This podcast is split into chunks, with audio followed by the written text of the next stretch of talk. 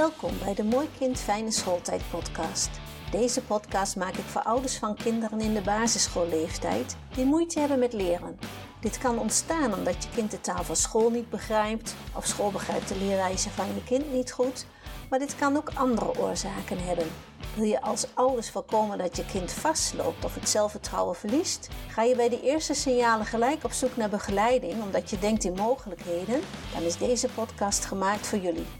Want ik weet dat er nog heel veel mogelijkheden zijn voor je kind. Met deze podcast help ik jullie graag bij jullie zoektocht naar de beste ondersteuning. Dit is de laatste podcast van dit jaar. We gaan eerst allemaal de kersttijd in. Dat doet een ieder op zijn eigen manier. Voor sommigen een mooie, fijne tijd en voor anderen verdriet of stress of noem het maar. Daarna gaan we op naar de jaarwisseling en ook die zal door een ieder anders ervaren worden. Daarom wens ik een ieder van jullie zo ontzettend veel toe en voor ieder wat hij nodig heeft. Dus ik dacht, we gaan deze laatste podcast van dit jaar gewoon een kerstverhaal doen. Eerder op de kleuterschool was dat het liefste wat ik deed. Al die kinderen om je heen en dan een spannend of verdrietig of een heel zoet, sappig kerstverhaal. Die gezichtjes, daar kon je dan zelf weer een verhaal van maken. Maar goed, ik hoor je denken, een kerstverhaal als podcast? Ach ja, waarom ook niet? Ach, helaas, dit wordt hem toch niet. Er zijn al behoorlijk wat kerstverhalen die je kan beluisteren. Dus ga vooral daarna luisteren als je dat wil. Maar nu eerst even deze nog beluisteren, want deze keer is het misschien leuk om het jaar nog eens door te wandelen wat betreft de podcast. Deze zijn er niet voor niets. De bedoeling van mij was en is nog steeds om meer aandacht te vragen voor een bredere kijk op de problemen waar een kind tegenaan kan lopen. Het leuke is dat als je bepaalde begeleiding inzet, dat je dan een gauw een ander kind treft en daardoor ook het hele gezin. Want de gezin is natuurlijk wel een systeem. Als daar één schakeltje niet graag naar school gaat, omdat het daar niet lekker loopt, dan raakt dit vaak het hele gezin. Tenminste, daar kwam uiteindelijk voor ons de zoektocht uit voort om naar een andere vorm van onderwijs te gaan kijken. Dit verhaal heb ik in de tweede podcast verteld. Daarna heb ik het over rekenen gehad. Voor de een een makkie en voor de ander een ramp. Hoe kan dit nou? En wat nou als een kind nog helemaal niet aan rekenen toe is? En hoe weet je eigenlijk of een kind aan leren rekenen toe is? Dit was de podcast daarna. Maar goed, in groep 3 krijgen de meesten toch wel met rekenen te maken. Als het helemaal niet lukt, hebben we altijd nog de hulp van Yamara rekenen. Hiermee leren kinderen vaak toch het rekenen wel. En het gaat inderdaad op een andere manier. Maar wel fijn toch, als een kind het hiermee leert. De volgende podcast ging over de testen en toetsen die eigen leerweg gebruikt. Dit was naar aanleiding van een luisteraar die dit zich afvroeg. Ik kan jullie in het kort vertellen dat ik er niet veel gebruik en als ik iets test, is dit vaak in verband met de reflexen of de ogen, of is een kind bijvoorbeeld al aan rekenen toe of aan lezen. Dus het is een andere benadering om te kijken naar iets wat nog niet lukt. Daarna mijn eerste opname met z'n tweeën, wel hier bij mij thuis, maar ook daar kan het dus misgaan. Het interview verliep prima. De moeder is een natuurtalent, alleen ik niet met de techniek. We hadden het hele gesprek gedaan, maar ik was vergeten op te nemen. Achteraf hadden de microfoontjes alles wel opgenomen hoor, maar daar had ik helaas niet door. Dus het hele vraaggesprek nog een keer. Maar nog altijd fijne herinneringen aan. En dan komt ook nog het lezen aan bod. Lezen, wat komt er allemaal bij kijken? En als we dat allemaal weten, dan begrijpen we ook dat er in die hele schakel soms wat mis kan gaan. Het is gewoon niet altijd vanzelfsprekend dat we allemaal makkelijk leren lezen. En dit is ook weer van allerlei factoren afhankelijk. Gelukkig is er altijd nog hulp mocht het niet goed lukken. Dan is er nog zoiets als een leerstijl van je kind of dominantiematrix. Het zegt je misschien allebei weinig, maar je kan heel veel halen uit zo'n profiel. Wat heeft dit kind nodig zodat het leren makkelijker of beter gaat?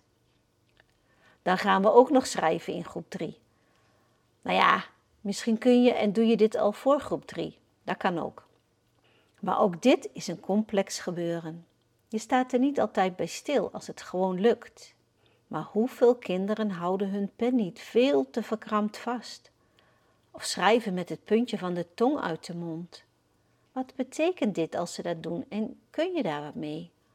Zeker kan je daar nog heel veel mee. Dan een podcast over reflexen. Daar kan een kind toch nog veel last van hebben. Dit afgelopen jaar heb ik daar drie informatieavonden over gegeven. Dit om meer mensen er bewust van te maken wat deze kunnen betekenen en wat ze in de weg kunnen staan.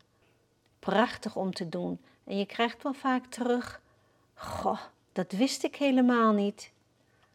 Vind je het nou leuk om hier ook een keer bij te zijn? Of wil je dit wel een keer voor je team? Dan stuur me even een berichtje. Graag zelfs. Dan een podcast voor ouders.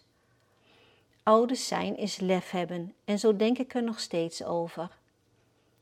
Oh ja, tussendoor heb ik mijn titel veranderd door nog wat aanvullende cursussen gedaan te hebben. En mag ik me van nieuwe leerstrategieën specialist nu psychomotorische leer- en gedragsspecialist noemen. De vraag is of dit nou zoveel uitmaakt en wat er verandert. Eigenlijk ben ik nog hetzelfde. Alleen de titel is veranderd of erbij gekomen. Misschien is deze titel iets beter begrijpbaar, maar mijn werkwijze is hierdoor niet veranderd. Maar eerlijk is eerlijk, het staat wel mooi, toch? Dan een podcast over als je elke dag naar school gaat en het lukt gewoon niet. Hoe je je best ook doet. Wat doet dit met een kind? En dan is het alweer kerst en doe ik mee aan een kerstroute. En vraag ik me af welke route gaan we nemen. Dit was ook de vraag voor de wijzen. Welke kant moesten zij toch opgaan? Gelukkig was er een ster om te volgen en waren er ook kinderen die ons de weg wezen. Zo mooi hoe zij dit aanpakken en hoe serieus ze je vraag nemen of ze je willen helpen zoeken. Daarna een interview of gesprek met Josette over de school of leerweg van haar twee dochters. Een boeiend interview met niet altijd makkelijke situaties. En dit kan een ieder overkomen. Een boeiend levensverhaal. Daarna kwam er een programma op tv over dyslexie en geld. Tjonge, wat heb ik me geërgerd. Ik kan het niet eens meer oproepen nu. En dat is me goed ook, denk ik. Maar op dat moment was ik wel boos. Nou ja, luister de podcast nog maar eens terug, dan begrijp je het misschien. En misschien ook niet. En denk je er heel anders over. Mag ook. Daarna een hele uitleg over bewegen. En hoe belangrijk is dit nou eigenlijk? En vergeten wij dit niet? Dat denk ik wel, want de kinderen zijn steeds minder lang buiten. Laat dit nou net heel belangrijk zijn. En nog een tip die ik jullie mee kan geven. Als je kind naar buiten gaat, smeer het de eerste 20 à 30 minuten niet in. Door je kind niet in te smeren kan de zon op de huid komen en deze maakt gelijk veel vitamine D aan. Smeer je gelijk in, dan dus niet. Na 20 minuten even smeren en de klus is klaar. Dan of een etiketje belangrijk is en wat je kind met één en hiermee opschiet. Dan een mooi gesprek opgenomen bij Jasper Bodenstaf thuis over zijn werk en het buiten zijn met kinderen. Ook dit gesprek liep niet zomaar goed. Mijn microfoon stond aan en nam op. Die van Jasper stond ook aan, maar nam niet op. Met het bewerken heb ik van alles uit de kast moeten halen om een beetje gelijk geluid te krijgen. Maar het is voor een beginner aardig gelukt. Dan de vraag of er veranderingen mogelijk zijn. Zelf geloof ik meestal wel in een verandering of een oplossing. En als die er niet gelijk is, dan moeten we beter kijken en zoeken. Maar ik los graag dingen op en ga doorzoeken naar de juiste aanpak. Dan de vraag of de CITO-toets nou echt moet. Dit naar aanleiding van een uitzending van Pointer. De vraag die we te weinig stellen, denk ik, omdat we nou eenmaal die weg gaan of omdat de inspectie hier zoveel aan vasthangt. Vragen die af en toe goed zijn om bij stil te staan, vind ik. Daarna de vraag hoe kijken we naar gedrag wat iemand laat zien. Dat is best lastig, want dit gedrag vertelt vaak iets anders. Maar ja, kom daar eens achter. Het is heel fijn en prettig als je daar wel achter wil en kan komen. Daar word je blij van, zeg maar. Dan zeggen we ook wel eens over kinderen: het zit er wel in, maar het komt er niet uit. Ook dit heeft een oorsprong en is ergens ontstaan. En blijft door iets in stand. Iets wat het kind zelf niet in de gaten heeft, of niet weet waar het vandaan komt, maar het is er wel. En dan een hele belangrijke vraag. Waarom denken we eigenlijk dat leren vanzelf gaat? Is dit een gedachte die we dankzij onze ouders of voorouders hebben? Waarom loopt het bij de een toch zo anders als bij de ander? Wat kan je eraan doen? Als je alleen al die vraag durft te bekijken en gaat bekijken, wil dit zeggen dat je een stukje bewustzijn krijgt dat het niet allemaal vanzelf lukt. Soms is daar echt hulp bij nodig. Dan een verhaal over het kindertijdschrift. Ook dit ondergaat een hele ontwikkeling en zijn er vragen natuurlijk waarom loopt dit bij de een zo makkelijk en gaat dit bij een ander een stuk lastiger? En wat hebben reflexen en gedrag of leeruitdagingen met elkaar te maken? Zoals ik werk hebben deze een heleboel met elkaar te maken, vandaar die podcast erover. En daarna nog twee podcasts daarover. Zoveel komt het dus voor dat deze van invloed zijn. Dan opeens een afwijkende aflevering over gelijkgestemden. Of gelijkgestemden belangrijk zijn in ons leven, of dat van een kind. Waarom een afwijkende aflevering? Omdat het niet zo heel veel zegt over hoe ik werk. Wel hoe ik ben en wat ik graag wil. Ik wil een ieder graag bewust maken van de dingen die we doen en wat voor impact ze kunnen hebben.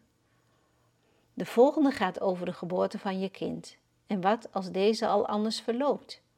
Welke gevolgen kan dit hebben? En wat kan je zien of verwachten?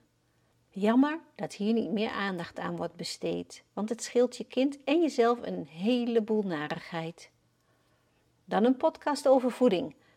Deze heb ik gemaakt naar aanleiding van de laatst gevolgde cursus. Deze ging over het brein en de invloed van voeding hierop. Je kan dus door een week of langer je eten en drinken bij te houden uitzoeken waar een kind tekorten op loopt. Welke vitamines en mineralen heeft het nodig? Zo ontzettend waardevol en belangrijk. Eigenlijk eten we in de westerse wereld behoorlijk ongezond. En dan de laatste, wat kan een baby al zien en wat nog niet? Er zijn dus al aardig wat onderwerpen aan bod gekomen en nog niet alles is gezegd. Toch wil ik jullie hartelijk danken voor het luisteren en wens ik jullie al het goeds voor de feestdagen, in welke situatie je ook zit. En hierbij geef ik jullie allemaal even een applaus voor het luisteren. Dank jullie wel echt voor het luisteren. Super fijn.